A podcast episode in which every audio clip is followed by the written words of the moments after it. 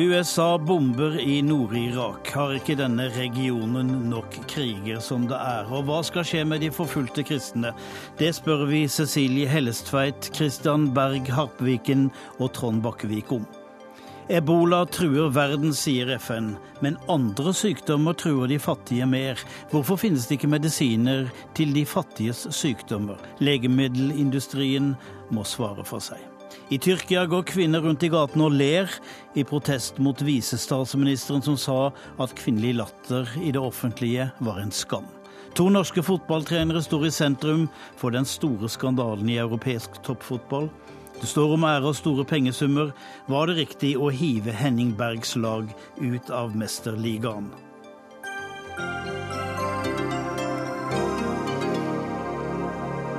God fredagskveld og vel møtt til Dagsnytt 18. Jeg heter Tom Kristiansen, og vi skal også innom en pussig debatt mellom dem som vil fjerne eiendomsskatten. NHO tror de er blitt lurt av Siv. Men først Irak. USA har innledet bombing av stillingene til den ytterliggående militsgruppen ISIL utenfor den nordirakiske byen Erbil. Amerikanerne sier de bomber stillingene for å beskytte amerikansk personell. Imens har hundretusener av mennesker flyktet, og FN advarer om at nok en humanitær tragedie truer Midtøsten. Tove Bjørgaas, Washington-korrespondent, hva er det USA nå bomber? De bomber eh, artillerianlegg, eller altså utskytingsanlegg, da, som ISIL har i nærheten av Erbil. De har sluppet to 250 kilos bomber, laserstyrte sådanne, fra fly, eh, ikke så langt fra eh, Erbil. Pentagon tvitrer om dette, så her får man i hvert fall de første detaljene ganske nøyaktig. Men hvor, hvor langt vil amerikanerne gå? Hva er planene? Hva er omfanget av det de har tenkt? Obama har vært veldig klar på at det omfanget er begrenset. Han sa gang på gang i en TV-tale eh, i natt at det ikke er snakk om bakkestyrker, at det ikke er snakk om en langvarig bombekampanje, men at man må, må gjøre forsiktige og målrettede angrep for eh, å ta ut disse krigerne akkurat i dette området i Kurdistan. Men så går debatten her da på at det ofte ikke er så veldig mye man kan oppnå med slike luftangrep. Men eh, amerikanerne har sagt at de skal beskytte sine egne borgeres liv i byen Irbil. Er det en troverdig forklaring, eller ligger det kanskje noe mer bak? Det er klart eh, at det handler også om det. Obama måtte i juni sende rundt 800 amerikanske militære rådgivere eh, til Erbil og til Bagdad. Eh, det er også mange amerikanske diplomater i denne kurdiske byen. Og det ville være forferdelig for amerikanere dersom ISIL skulle angripe der. Derfor er det en veldig viktig begrunnelse for at de tar disse skrittene nå. Men samtidig så, så, så mener mange her, og nok også Obama og hans rådgivere, at USA kan ikke sitte og se på at ISIL så lett tar by etter by i Irak og vokser seg større og sterkere. Og Kommentatorer jeg hørte her i morges sier at de nærmest er sjokkerte over at ISIL har fått gå så langt, fordi dette er en, en, en, en farligere og mer kompromissløs terrororganisasjon enn Al Qaida. Og det burde amerikanerne vært med på alerten overfor tidligere. Kristian Berg Harpviken, direktør ved Institutt for fredsforskning, PRIO. Var dette forventet? Det amerikanske angrepet er ikke helt uventa, i den forstand at vi nå snakker om et meget begrenset angrep, først og fremst begrunna med å beskytte amerikanske borgere og amerikanske interesser i Midtøsten. Det som nok sitter veldig mye lenger inne på amerikansk side, det er et et eh, større angrep som går på å beskytte sivilbefolkning, som går på å frariste ISIL kontrollen i disse områdene.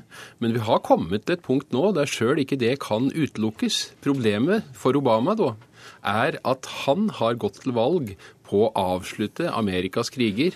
Hvis han nå går inn i denne konflikten, lar seg dra inn i denne konflikten, så er det den ene utenrikspolitiske suksessen, det ene fotavtrykket Obama kan hevde og etterlate seg, det er spolert. Så en krig mot ISIL som sådan, det kan man ikke regne med at USA skal gå inn på? Jo, jeg vil si at vi skal ikke utelukke det, for dette er etter hvert blitt så vanskelig. Og hvis ISIL begynner å true Bagdad, så vet jeg ikke lenger om USA har noe valg. Men eh, dilemmaet for Obama er eh, meget, meget smertefullt, og den beslutningen sitter fortsatt, tror jeg, langt inne. Cecilie Hellestveit, du er seniorforsker ved International Law and Policies-instituttet i Oslo. Det sitter noen tusen mennesker på et fjell og er isolert og får ikke mat eller vann eller noe. Hva, hva er denne historien om? Dette er mange tusen kvinner, barn, eh, gamle og unge eh, yazidiser og andre, altså de, en religiøs minoritet i eh, Irak, som er skvist mellom ISIL og de kurdiske områdene. Situasjonen i Irak, også i borgerkrigen eh, i 2005-2006, gikk veldig hardt utover de religiøse og etniske minoritetene. Og det er de som først og fremst nå blir forfulgt på måter som minner om full etnisk grenskning og folkemord i disse områdene. De rapportene som har kommet ut fra disse områdene de siste par ukene, er fryktelige fortellinger om massehenrettelser av kvinner, menn, barn osv. Dersom det er sant i det, så er det klart den operasjonen som amerikanerne begrenser nå til å lage en humanitær korridor for å evakuere disse menneskene ut fra ISIL-kontrollert område. Det er en relativt ren humanitær operasjon som ingen andre enn amerikanerne for så vidt er i en posisjon til å, å gjøre i disse dager. Og det haster. For dette her er mennesker som har vært i disse fjellene i fire-fem dager. Det er 40-50 grader. Det er barn, kvinner, uten mat og uten drikke. Så det er på en måte her tikker klokken. Det som er det eh, mer utfordrende her, er det som Hartviken er inne på, med den politiske konteksten. For amerikanerne har blitt bedt om å bombe ISIL allerede, gjentatte ganger fra Bagdad. Det har de avstått fra å gjøre, for de vet at det vil trekke amerikanerne inn i et regionalt politisk spill, hvor det vil bli veldig vanskelig for amerikanerne å nettopp ikke ikke bli dratt inn i en ny konflikt i Midtøsten. Eh, men så man kan for så vidt si at denne humanitære krisen har gitt en mulighet for amerikanerne til å gå inn og få styrker i Erbil og få et litt sterkere militært eh, på en måte, fotfeste der.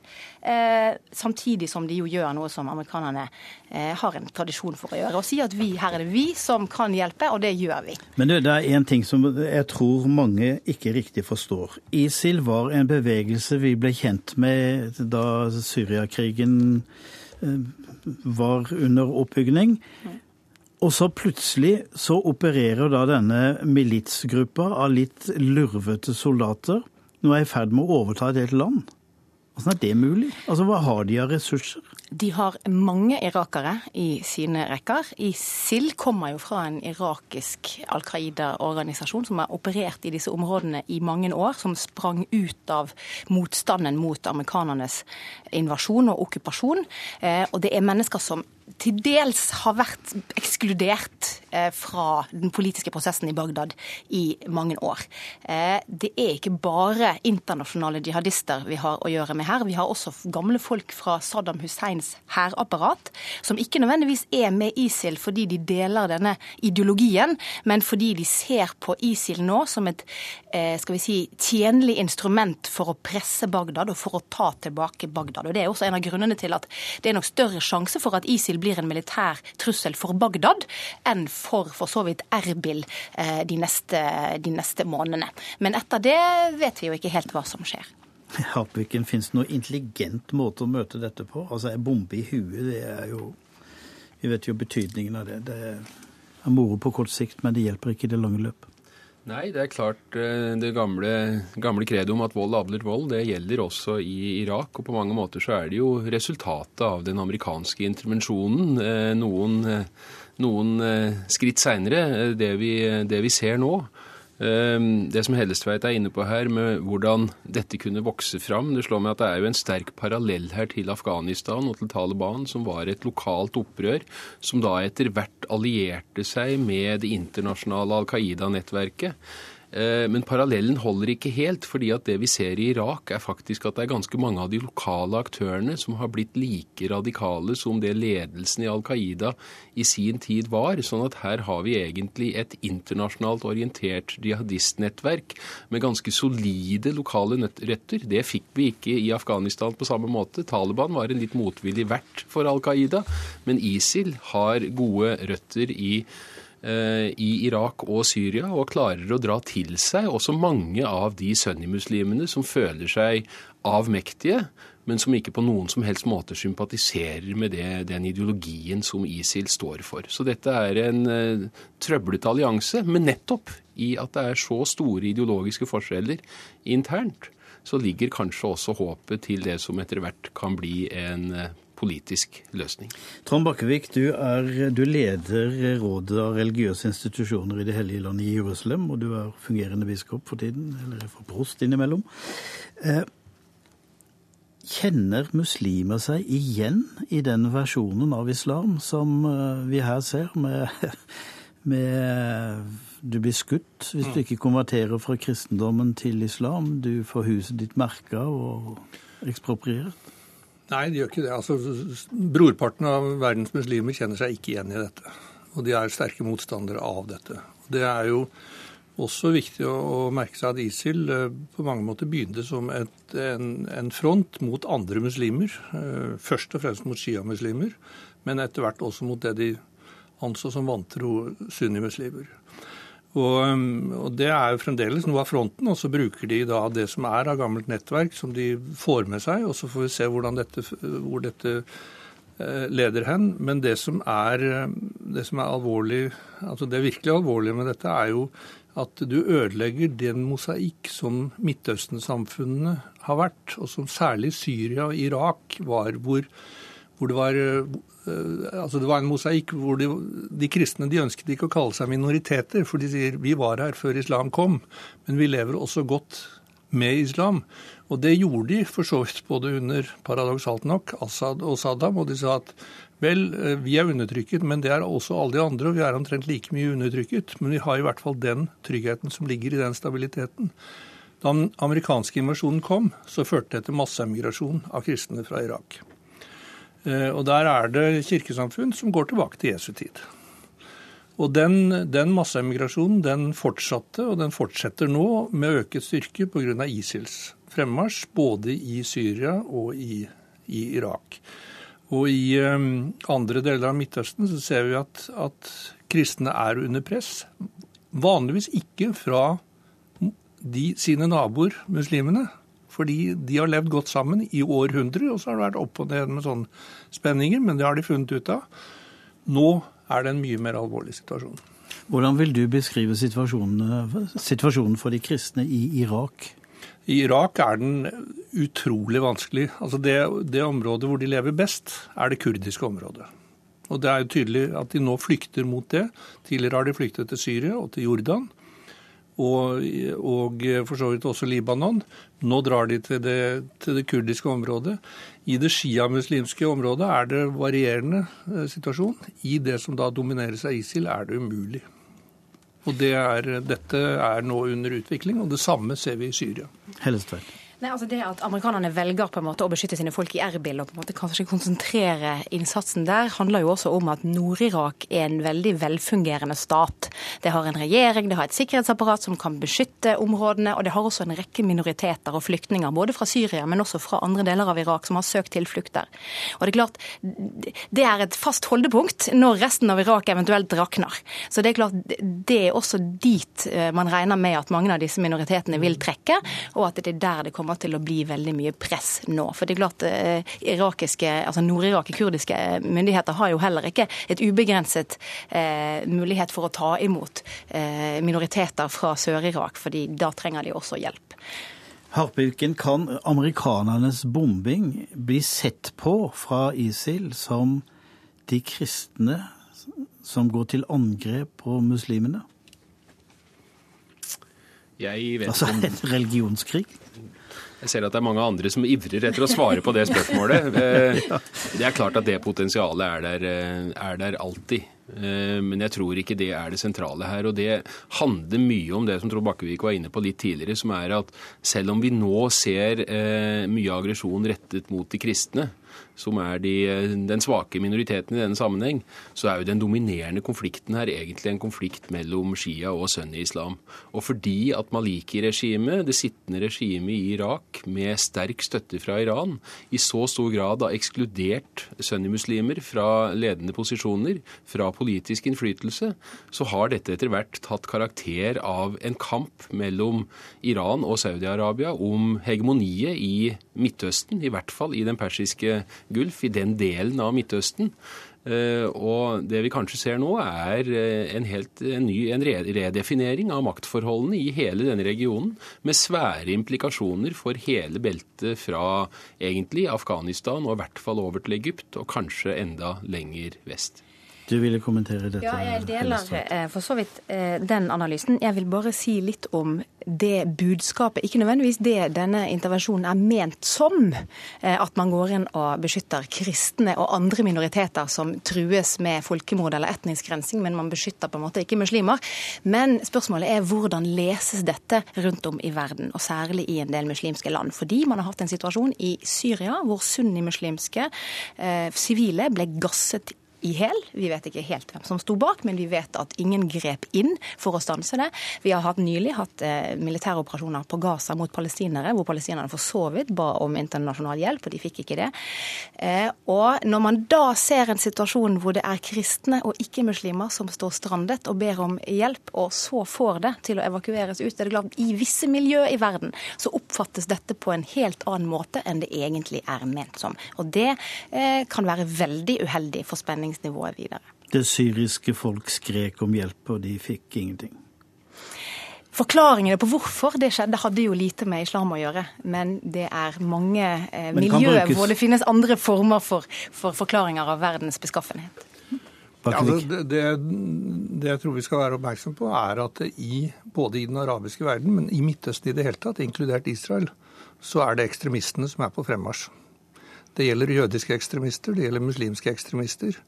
Og de er på fremmarsj på en sånn måte at, at de også legger press på det som eh, ytre sett er majoriteten av samfunnet. Fordi de, Det er alltid sånn at fundamentalismene de får, de får med seg noen fordi de andre er redd for ikke å de er redd for å stå Gud imot, nærmest. Og dette, dette gjør seg gjeldende uh, på en sånn måte at det rammer særlig den kristne eh, minoriteten. Men det det rammer, som er viktig å være klar over, det er at det rammer Midtøsten som et mangfoldssamfunn. Og det er det mangfoldssamfunnet i Midtøsten som nå er i ferd med å gå tapt. Tove Bjørgaas, Washington, du ville si noe? Ja, bare til dette med, med, minoriteter. Altså Obama brukte jo veldig sterke ord i natt og snakket om eh, at det, var fare for folkemord i Irak i forhold til disse minoritetene. Og Man, man skal ikke, man skal være forsiktig med å, med å trekke konklusjoner her, men det at, at, USA nå går inn for å beskytte en, en, kristen, en gammel kristen minoritet, det, det, vekker også større forståelse her i USA. Så det er klart dette aspektet med de ulike religionene er viktig også her. Eh, Harpiken, det er interessant det, det Borchgrevink nevner her, nemlig at det er mosaikken, regnbuen, som Desmond Tutu brukte om Sør-Afrika, som på en måte gir en stabilitet og ikke en spenning til samfunnet. Stemmer ja, det? Ja, det ser vi på Midtøstens nyere historie. Så er det klart at, eh, at, det stemmer. Og det vi slåss mot nå, er jo egentlig noen av de mest intolerante politiske kreftene vi kan eh, tenke oss. Men det var det jeg var inne på i stad, når jeg snakket også om eh, Maliki-regimet og hvordan det har håndtert sin maktposisjon over det siste tiåret, hvor de i veldig stor grad har brukt sin makt nettopp til å ekskludere representanter for andre eh, religiøse og etniske grupper i Irak. Og det er ganske forutsigbart at du da får denne typen motreaksjon. Så det er ikke bare sånn at vold avler vold, men intoleranse avler også intoleranse. For den eneste måten å beskytte seg for mange av disse gruppene, etter hvert som intoleransen vokser frem hos de som sitter ved makten, er å søke tilflukt hos sine egne. Å søke tilflukt hos sine egne ekstremister. Og da får du en ond sirkel, og det er på mange måter det vi ser i Irak og i Syria i dag. Trond Bakkevik, har Gud gitt opp Midtøsten? De forsvinner eh, i det ene landet etter det andre, de kristne? Nei, Gud gir aldri opp noen del av verden. Det må vi holde fast ved og tro på. Så får vi sørge for at vi blir Guds gode medhjelpere til å skaffe gode vilkår for alle mennesker. Da må jeg si takk til deg, Trond Bakkevik, Cecilie Hellestveit, Christian Berg Harpviken og Tove Bjørgaas.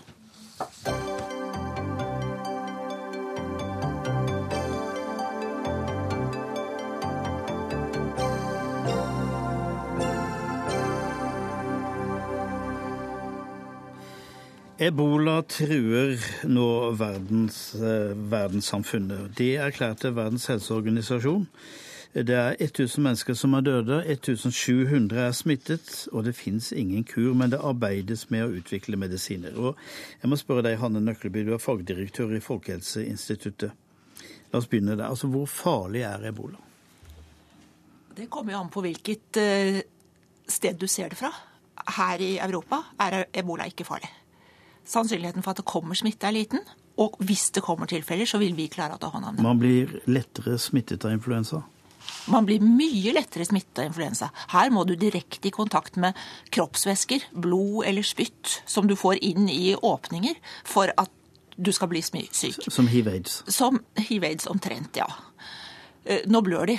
Så det er klart det er litt mer det du kommer borti, men som hiv-aids. Men i de landene hvor de nå har en epidemi og ikke klarer å isolere tilfellene, der er ebola farlig.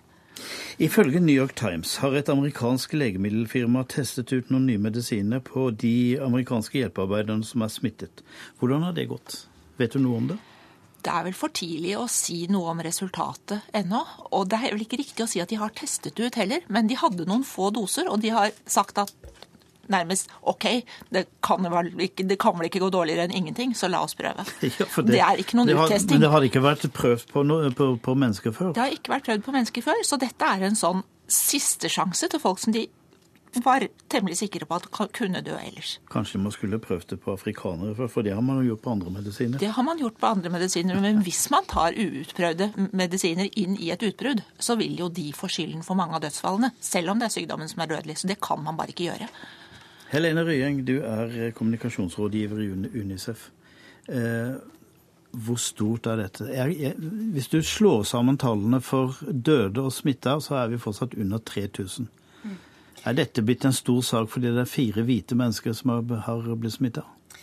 Altså Her i Norge så har det jo definitivt fått eh, større oppmerksomhet etter hvert som eh, flere har blitt smitta, også utenfor Afrika. Det er det ingen tvil om. Eh, vi ser jo det på forsidene på, på avisene, at det nå har fått økt oppmerksomhet. Men det er klart, i en, i en, stor sammenheng så er dette her ganske lite, egentlig. Det er ikke det flesteparten av afrikanske barn dør av, for å si det sånn. Og hva er det? Det er bl.a. Eh, lungebetennelse, diaré og malaria, som eh, de fleste barna i Afrika dør av. Sovesyke? Sovesyke også. Der har det vært en eh, større reduksjon nå de siste årene. Men fortsatt så er det diaré, lungebetennelse og malaria som aller flest barn dør av i Afrika. Og hvorfor dør de?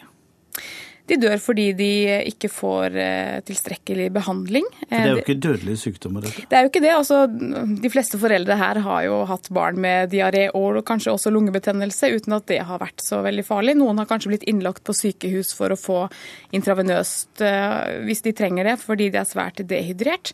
Men her dør man ikke av det i Norge. Så det er mangel på behandling hvis man først blir syk. Men det er klart det handler også om tilgang på rent vann eh, og gode sanitære forhold, med tanke på å forebygge at de i utgangspunktet blir syke. Men ebola finnes det altså ingen kur mot, som vi vet. Er det, er det legemiddelindustrien som har sviktet? Det vil jeg kanskje ikke si. Eh, nå er ebola det er et utbrudd som kommer med jevne mellomrom. Men i den store sammenhengen så er dette her ikke det største problemet. Eh, og jeg tenker at man må sette inn innsatsen der hvor den får størst effekt. Og da er det ikke ebola som skal stå høyest på prioriteringslisten. Men det er klart, skulle det komme medisiner mot ebola, så syns vi det er kjempebra. Men eh, hvis vi må prioritere, og det må man veldig ofte, eh, så er det f.eks. en vaksine mot malaria står ganske langt oppe på vår ønskeliste. Åge Nærdal, du er administrerende direktør i GlamoSmithKline AS, som eh, er et av disse legemiddelselskapene. Eh, dere blir stadig kritisert for ikke å utvikle medikamenter som hjelper mennesker som ikke kan betale for seg. Ja. Men jeg tror vi har prioritert riktig nå, da. For vi, vi har akkurat søkt registrering for en malariavaksine nå i sommer. Så den vil forhåpentligvis være tilgjengelig for barn i Afrika. Men ebola har dere ikke Ebola har vi ikke noe løsning på nå. Er det fordi det ikke lønner seg å eh, Det vil, Hvis en skal lage noe mot eh, en så sjelden sykdom, så tror jeg da må det være en dugnad der mange går sammen. Legemiddelindustrien er veldig åpen for partnerskap med andre organisasjoner. Forskere, ideelle organisasjoner, givere osv. til å lage partnerskap for å løse sånne problemer. Jeg vet ikke om dere, men iallfall en del legemiddelfirmaer kom i en voldsom eh, pinlig situasjon i Sør-Afrika, hvor dere gikk til rettssak mot staten fordi de brukte altså kopimedisin eh, innenfor hiv-aids. Og dere kasta kortene til slutt. Dette var i 2001, og du har helt rett, og du har vel på de kanter. Eh, Vi er ikke stolte av at vi saksøkte Nelson Mandela. Det ble et vendepunkt for oss, og vi la helt om hele alt som gjelder tilgang av medisiner til fattige land. Så nå leverer vi eh, hiv-aids-medisiner til eh, priser utenfor tjeneste, og har også gitt lisenser til lokale produsenter, sånn at dette kan eh, Men det er, jo dit. det er jo interessant at dere har utviklet et, et, en medisin som ikke kurerer hiv-aids, men som altså gjør at du kan leve lenger, sånn at du må ha medisinene resten av livet.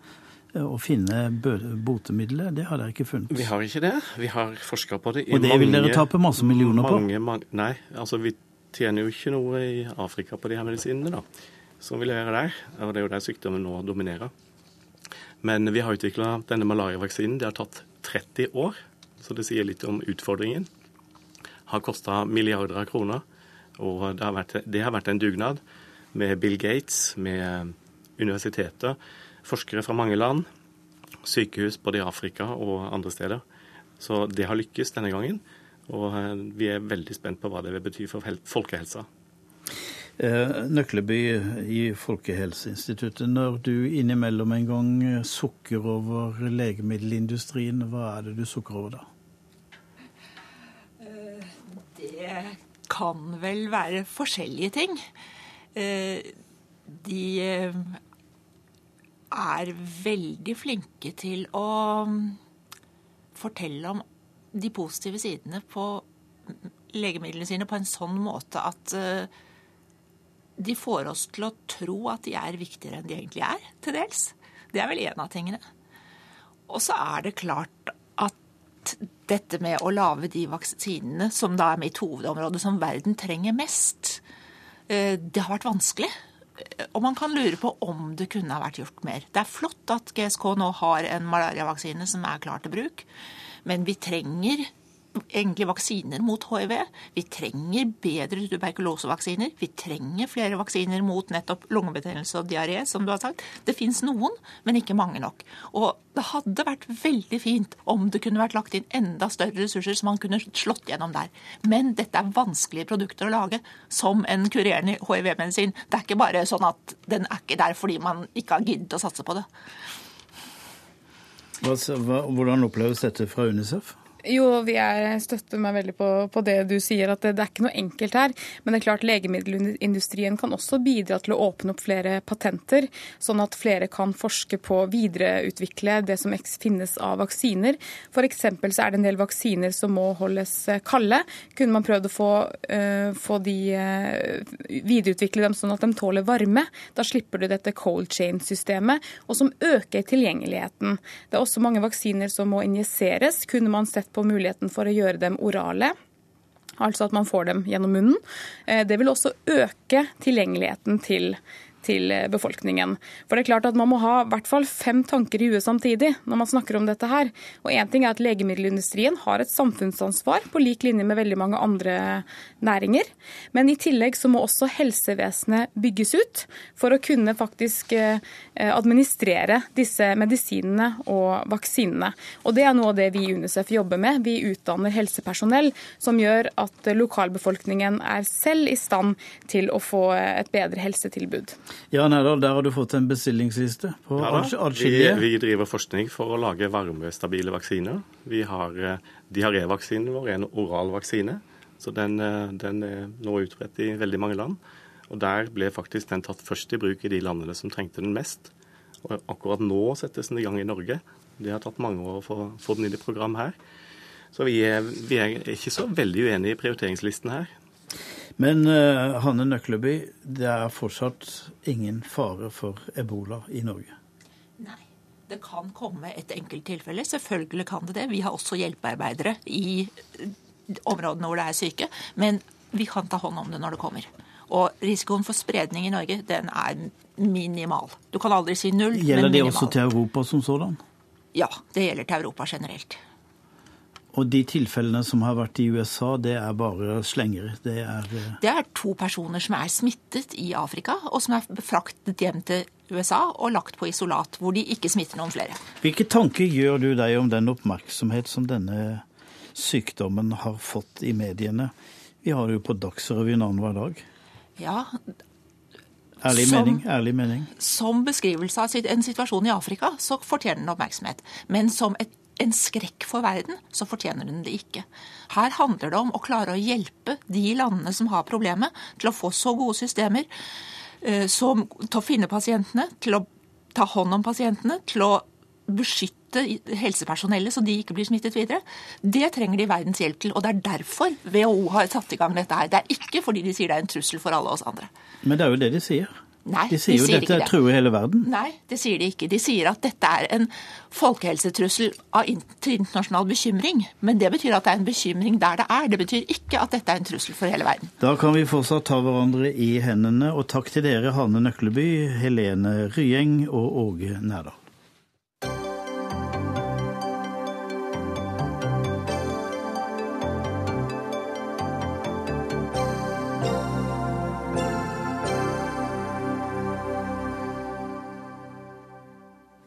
På søndag er det presidentvalg i Tyrkia, og sittende statsminister ser ut til å kunne vinne valg. Samtidig protesterer tyrkiske kvinner med latter, både i gatene og på de sosiale medier, etter at visestatsminister Bülent eh, Arinc i en tale sa at kvinner som ler i offentligheten, var en del av, det nasjonale moralske forfallet. Og Nefise Lorentzen, du er filmskaper og selv eh, tyrkisk. Eh, hvordan har reaksjonene vært i dag? Altså I dag skulle kvinner gå ut og le i gatene.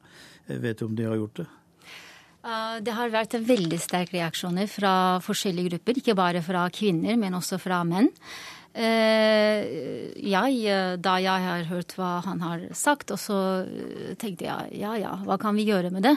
Eh, og så tenkte jeg at jeg kunne sende tre gaver til han, faktisk. Eh, første gave kunne det være Umberto Ecos Roses navn. Så han kunne lese hvis han har tid, fordi det er det han også finner hvor han tilhører.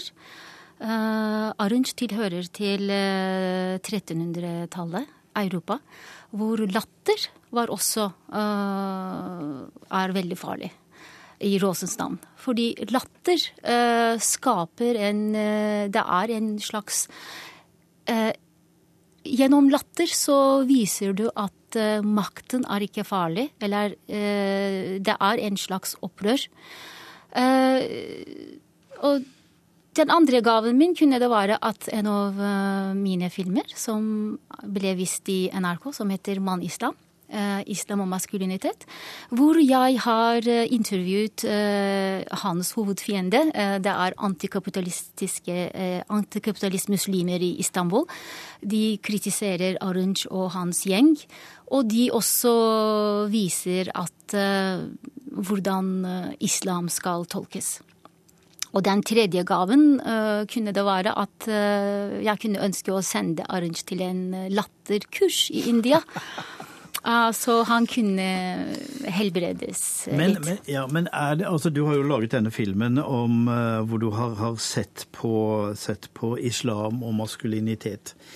Er dette et utslag av, av uh, muslimsk teologi, eller er det simpelthen just uh, something local cultural? Uh, det er ikke bare med islam å gjøre. Sånn som jeg sier at de lytterne som har lest Ekos Rosens navn, også finner ut at latter har alltid vært veldig farlig til alle de store religionene. Så det er ikke med bare som islam eller islams tolkning å gjøre. Det er når makten føler seg at de er en slags forfall. Og de må i en måte kontrollere befolkningene med en makt. Og det er å ta latteren bort fra dem. Lorentzen, når jeg ser bilder av fra det tyrkiske informasjonsbyråkratiet eh, i markedsføringen av Tyrkia, da ser jeg veldig frie, moderne, vakre kvinner fra Tyrkia. Er det, er det slik tyrkiske kvinner har det? Altså, Du finner egentlig hva slags billig du har, så ser du det. Så Tyrkia er veldig mangfoldig. Eh, den, altså, Tyrkia har alt mulig forskjellige eh, grupper, grupperinger og motsetninger.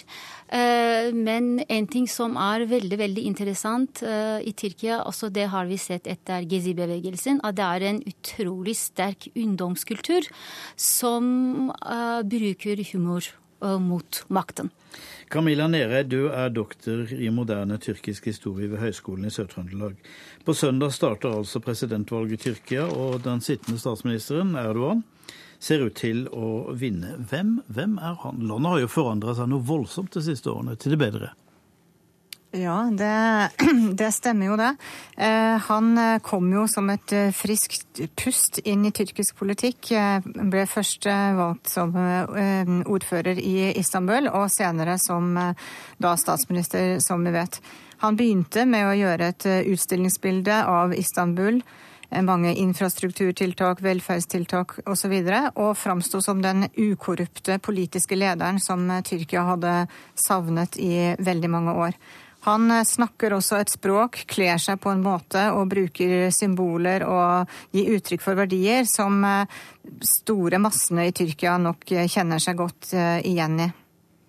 Men eh, denne uttalelsen fra visestatsministeren da om at kvinner ikke skal le i det offentlige rom, vil den ha noen innvirkning på valgresultatet? Nei, det tror jeg ikke det gjør. Og det er jo latterlig på en måte å, å komme med en sånn uttalelse, eh, som visestatsministeren gjorde. Men det er jo en del andre land hvor han ville vært politisk død etter en sånn replikk. Ja, men eh, hvorfor han ikke er det i Tyrkia, er jo fordi at Tyrkia er jo et, eh, et land hvor det er meget tradisjonelle kjønnsroller. Uavhengig av politisk parti så kan vi ikke si annet enn at Tyrkia er et patriarkalsk samfunn. Og det var det før Erdogan, og det er det under Erdogan. Så det er ikke et resultat av Erdogans politikk som sådan. Og derfor så tror jeg heller ikke at det vil påvirke valgresultatet. Det, bare, det, det ja. håper jeg det påvirker. Man kan håpe det, men jeg, jeg tror ikke det kommer til å gjøre det. Hvor sterkt står han og partiet hans? Partiet hans står jo veldig sterkt. Han har jo vunnet eh, tre parlamentsvalg etter hverandre med stadig økende oppslutning. Og nå ble jo det siste lokalvalget som var i mars, 30. mars i år. Der vant jo også partiet hans 45% av stemmene nasjonalt, inkludert de store byene Istanbul og Ankara. Så det er vel liten grunn til å tro annet enn at han vil gå seirende ut av presidentvalget. Men Nereid, hvis han blir president, da kan jo ikke han fortsette som medlem av partiet, og er ikke han mye av limet i det partiet? Det er han, og det er det en del spekulasjoner om i tyrkisk presse. Hvem vil kunne holde partiet sammen når Erdogan ikke lenger kan være den store lederen? Og der er det også interessant at um, partiets suksess og det Erdogan har fått til, er jo nettopp å samle politikere og mennesker med politiske synspunkter langs en veldig brei akse du finner en mann som eh, i sentralstyret til partiet, så finner du en mann som Kurtulmush, som er en meget konservativ politiker, eh, som holdt fast ved det opprinnelige partiet til, eh, til Erbakan, og hvor det var en splittelse i 2001 i Det nasjonale velferdspartiet, hvor Erdogan da skapte et nytt parti som var mer radikalt i moderne retning, mens eh, det gamle partiet besto av denne her Kurtulmush. Eh, fortsatte da der. Han har samtidig en eh, doktorgrad fra Cornell-universitetet i eh, organisasjon og ledelse, men han representerer den konserv veldig konservative fløyen i partiet. På den andre ytterkanten så har du da en mann som Soilo. Han er, han er børsmegler. Han er en yngre mann. Eh, han tilhørte opprinnelig Demokratpartiet, som eh, er en slags arvtaker etter det demokratiske partiet til Adnan Menderes, som var det første demokratiske valgte lederen i Tyrkia etter Atatürk. Og det å forene såpass sprikende krefter som, eh, som disse her er representanter for, det vil være en meget utfordrende oppgave. Det er Helt kort til slutt. Kurderne har jo også en presidentkandidat. Hvordan spiller kurdernes stemmer inn i dette valget? Det er jo veldig interessant at det i det hele tatt er en kurdisk eh, presidentkandidat. Eh, og det er jo et veldig smart trekk av kurderne å stille med en presidentkandidat, for det vil jo gi dem veldig mye større tyngde inn når man skal fortsette forhandlingene om større friheter til den kurdiske befolkningen i Tyrkia etter presidentvalget. Takk til deg, Camilla Nereid, også til deg, Nefise Lorentzen.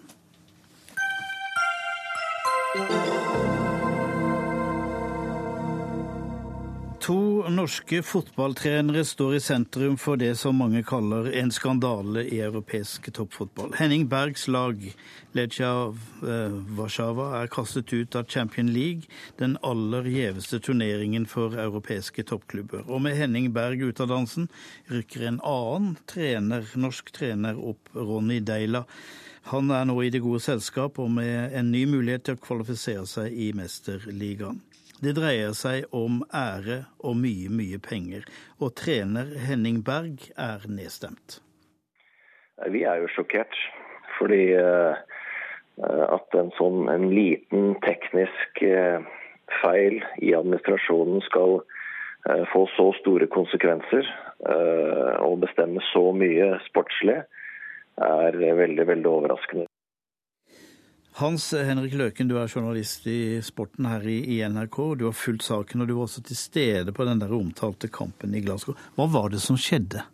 Det som skjedde på Murrayfield i Edinburgh i Skottland, for denne kampen ble spilt eh, på, på nasjonalarenaen pga. Commonwealth eh, Games, at eh, Celtic Park, hjemmearenaen til Celtic, ble lånt ut eh, til, til, Commonwealth Games. Det er en annen eh, sak her. Men på Murrayfield i Skottland ble Henning Berg, eh, spiller Bartos Bereszinski, bytta innpå Eh, få minutter før slutt. Stillinga var 6-1 sammenlagt til Legia over Celtic. Eh, det hadde ingen påvirkning eh, på resultatet. Og og Dette har da ført til at Legia nå i dag ble kasta ut av Mesterligaen. Vi må spole litt tilbake i tid, for da Mesterligakvalifiseringen starta, da hadde han eh, Bartos Beresynski han hadde tre kampers karantene.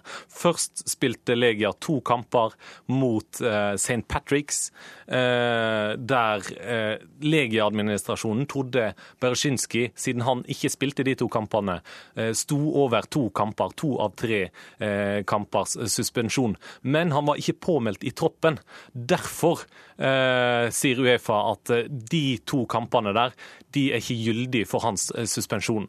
Når vi kommer til runden mot Celtic, neste runde, så står han også over eh, første kamp mot Celtic. Der er han, ikke, eh, nei, der er han påmeldt i troppen. Eh, og siste kamp nå på Murrayfield i Edinburgh, der kommer han innpå. Celtic, eh, nei, Legia-administrasjonen tror da at han har stått over tre kamper. I realiteten, ifølge Uefa, har han bare stått over én. Det er saken. Tom Nordli, du er tidligere ekspertkommentator her i NRK, det vet vi, og nå trener du elitelaget Sandnes Ulf. Eh, har Uefa vært for eh, hard i klypa? Ja, I utgangspunktet så er en regel en regel, men eh, så er det spørsmål om uh, i all juss om uh, ting er med overlevelse. Som reporter her sier, så, så har man jo stått over i praksis nok kamper. Men en liten da, skrivefeil at man skulle vært påmeldt i troppen, det var, nye, det var nyheter for meg også. Og det gjør jo saken enda sykere i mitt hode. Sånn at det er tre minutter før slutt, ingen påvirkning osv. Så, videre, så, så syns jeg her at Tidligere praksis har jo vært også bot, og dette har jo mye å si både sportslig og økonomisk for klubben. Så dette syns jeg er for strengt. Videre ser jeg nå andre norske trenere sier at eh, Celtic ikke burde tatt imot plassen, men jeg tror vel sånn at hvis de ikke hadde tatt imot, så hadde det vært noen andre som hadde fått den eventuelt. Så, så jeg syns det her er eh, veldig firkanta. Så du mener det burde vært en reaksjon, men den kunne vært mildere og annerledes? Bot nevner du, er det andre muligheter? Nei, altså ikke som jeg kommer på stående fot, men, men, det er noe annet hvis man eh, bevisst prøver å lure unna eller å benytte en spiller for å oppnå en, en fordel. eh, hadde også spilleren kommet inn tidlig i kampen og hatt påvirkning på resultatet, så er det også litt annerledes. Eh, men eh, når jeg hører det siste her nå, at eh, det, han har stått over nok kamper, men han ikke var eh, påført med penn i kamptroppen, altså eh, noe man da ikke har vært klar over, en liten teknisk feil i administrasjonen, som Henning Berg sier, så, så syns jeg det her burde vært eh, håndheva på en, eh, en, annen måte. Det er jo en liten paragraf i all juss som sier sunn fornuft, og så den syns jeg man ikke har brukt i denne sammenhengen. Esno Sæther, du er sportskommentator i, i Dagbladet. Eh, sunn fornuft skulle tilsi en annen reaksjon enn dette. Er du enig? Ja, altså egentlig er jeg det. Men det jeg syns er også viktig å skjønne her, er at uh, faktisk i internasjonal fotball så er den strenge regeltolkningen helt nødvendig. Det er så mange ulike kulturer. Det er så mye å holde orden på, rett og slett, at uh, hvis man lar være å følge et ganske rigid regelverk, så tror jeg man kommer opp i fort i veldig store problemer. Ikke minst forskjellsbehandling mellom de rike nasjonene og de, og de mindre ressurssterke nasjonene. Men det er klart, dette eksempelet det, det er vanskelig å, å, føle noe annet enn en veldig med, medfølelse med Henning Berg. Det er jo en, i og for seg en spiller jeg har kjent siden han var liten gutt, så, så, for meg er det sånn ekstra, ekstra vondt at han ikke får lov til å, lov til å få denne suksessen tvers igjennom. Men det, i, i, fotball er det jo eh, ikke Det er jo ikke alt i fotball som er eh, på papiret som, er, som, kan måles. Altså Dommeravgjørelser mm. er subjektive. Det, man filmer, man eh, gjør ting på banen man ikke skal. Man har, har straffer for uh, ulike forgåelser, både mm. uh, røde og, og gule kort. Ja, ja, og... Men så plutselig for dette, ja. som er en administrativ lapsus, så skal man altså miste hele framtida si. Ja, eh, i hvert fall et år av den, da. Men ja, det, det, kan du si høres paradoksalt ut. Nå tror jeg disse alt det skjønne som er på banen Jeg er en ivrig forkjemper for alt det skjønne. Jeg tror at det gjør sporten mye mer spennende. Når det gjelder reglene utenfor banen, så blir det noe helt annet. Det er ingen det er ingen dommer inn i en situasjon, og det er ikke så mye å diskutere, holdt jeg på å si, det, det, disse regelverkene utenfor. Så der er det nok greiere at et regel ja, men, ja, men juss er jo ikke så enkelt. Altså, man har jo jurister til å fortolke jussen. Ja, og rimeligheten. Ja da. Eh, og, og, denne situasjonen er jo litt av en situasjon, da. Altså, vi trodde vel alle sammen i utgangspunktet at eh, Eh, at det var snakk om eh, en klarere ting. Altså at man hadde tatt med denne spilleren på litt andre premisser enn det det viser seg eh, til slutt her. Tom Nordli, hvordan, hvordan er det for en fotballtrener og et lag å oppleve sånne ting? Nei, altså Du har jo også en administrasjon som du stoler på som trener, så du blir jo ekstra fortvila, for dette er jo ting du regner med er i orden. Og, men jeg er enig med Esten her. altså at I utgangspunktet så syns jeg også at man skal holde et strengt reglement, fordi at det er forskjellige typer kulturer. Men når man, jeg forandra faktisk mening ja, når jeg hørte reporteren her, for jeg var ikke klar over da hele bakgrunnsinformasjonen for det. når man da på en måte har stått over nok kamper. altså Man har vist intensjon med å, å, å latt spilleren stå over de kampene han har ilagt karantene i. Men at det da er en forglemmelse om at man ikke var satt opp på arket, altså i protokollen. Eh, og med alle fakta på, på bordet, så syns jeg det går an å vurdere sånne ting eh, på nytt. For at regelen er jo like streng for det. Men jeg, for meg så har det kommet nye fakta og opplysninger opp på bordet. Og som du sier, jussen er jo også i utgangspunktet klokkeklar. Men hvis det hadde vært så klart, så hadde de ikke tenkt verken forsvarsadvokater eller aktorer eller noen ting i andre saker ellers. Så det syns jeg ble litt voldsomt. Esten Sæther, dette handler jo også om ikke bare ære, men penger. Ja, det er ekstremt mye penger. Eh, det varierer jo litt fra år til år, men eh, skal vi anslå en 70-80 millioner eh, kroner og en plattform Nå er jo Legia da en sterk klubb i Polen og er vant til å gjøre det godt. Men det er en plattform for videre, for videre suksess. Sånn, sånn, er jo denne sporten. At det er en, det er en pengesport blitt på dette, på dette nivået her sånn. Så, ehm, og nettopp, si, nettopp derfor så er jo, er jo, dette med det helt strikte regelverket også noe å, å, ta med seg. Så da blir det voldsomme krav på de som skal huske å fylle ut spillelistene. Men oppi dette så snakker vi om fair play også. og vi vil at spillere som har hensa, som jeg var med på i cupfinalen sjøl, eh, semifinalen i cupen med Arild Sundgodt, eh, Arne Larsen Økland, som sa fra at det ikke var mål.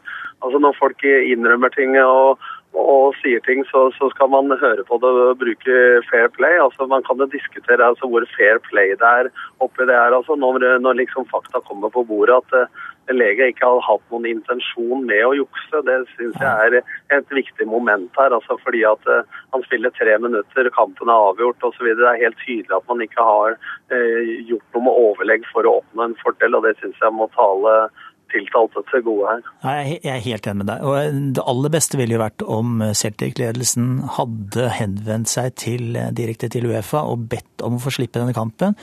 Eh, og sagt at eh, denne gangen her, da, det går ikke an å følge et regelverk som er så spesielt eh, som, som i denne situasjonen. Men igjen så tenker jo Celtic penger, de òg. De er jo i en anstrengt økonomisk situasjon.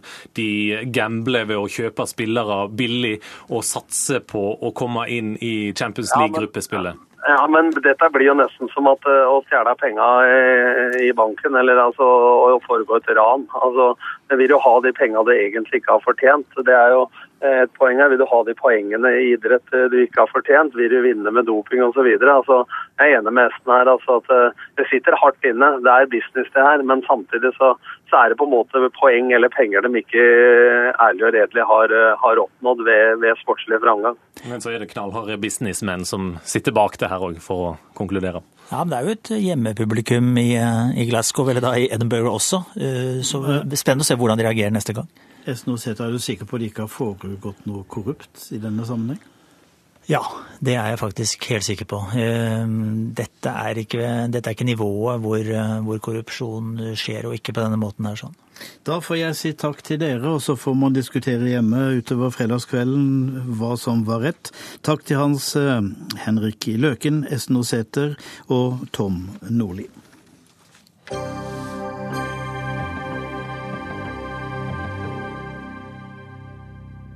Formuesskatten skulle forsvinne, men det har ikke næringslivets hovedorganisasjon NHO sett mye til. Hvor blir det av regjeringens valgløfter, og tålmodigheten i NHO er eh, slutt. Tore Ulstein, du er president i NHO, og du er med oss fra et studio i Ålesund. Du har kalt dette et løftebrudd. Tror du regjeringen ombestemmer seg? Nei, altså det, det, vi er redd for, er jo at uh, regjeringen nå begynner å bli vag uh, i forhold til de, uh, de løftene vi føler de er gitt både i valgkamp og gjennom den regjeringserklæringen som er nedfelt. Og, og vi, vi, ser at de blir vagere og vagere for, for, egentlig for hver dag som går.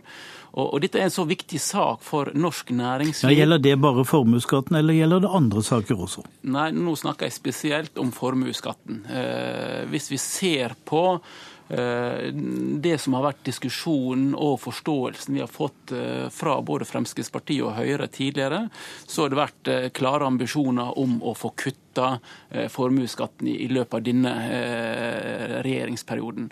Og så ser vi nå at det blir vagere og vagere, og det blir vanskeligere og vanskeligere. Og vårt poeng er da at hvis ikke du får et vesentlig kutt eh, for neste års statsbudsjett, så, så, tror vi at det blir vanskelig også i påfølgende år.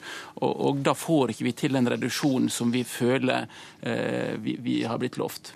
Gjermund Hagesæter, du er finanspolitisk talsmann i Fremskrittspartiet, og du sitter i et studio i Bergen. Eh, hvor er det blitt av dette løftet? Dette løftet er vi allerede i full eh, gang med å innfri. Eh, vi har altså tatt det første skrittet ved å redusere satsen fra 1,1 til 1% Og vi har også økt bunnfradraget fra 700 000 til 1 million. Eh, for både Høyre og Fremskrittspartiet så er det viktig å få bort med denne her Eh, særnorske formuesskatten. og Derfor så har vi programfesta dette, at vi skal redusere den eh, fremover i perioden. Både med å øke bunnfradraget og redusere satsene. Men jeg syns det, det utspillet, eller det kravet som Ulstein kommer med, det syns jeg er lite konstruktivt. Altså, Hvorfor det? Ja, fordi at altså, Dette er nok et utspill og et krav som er sikkert populært i NHO-kretser. Men det bidrar altså ikke til å få fortgang i formuesskattekuttene, pga. at det skaper unødvendig støy.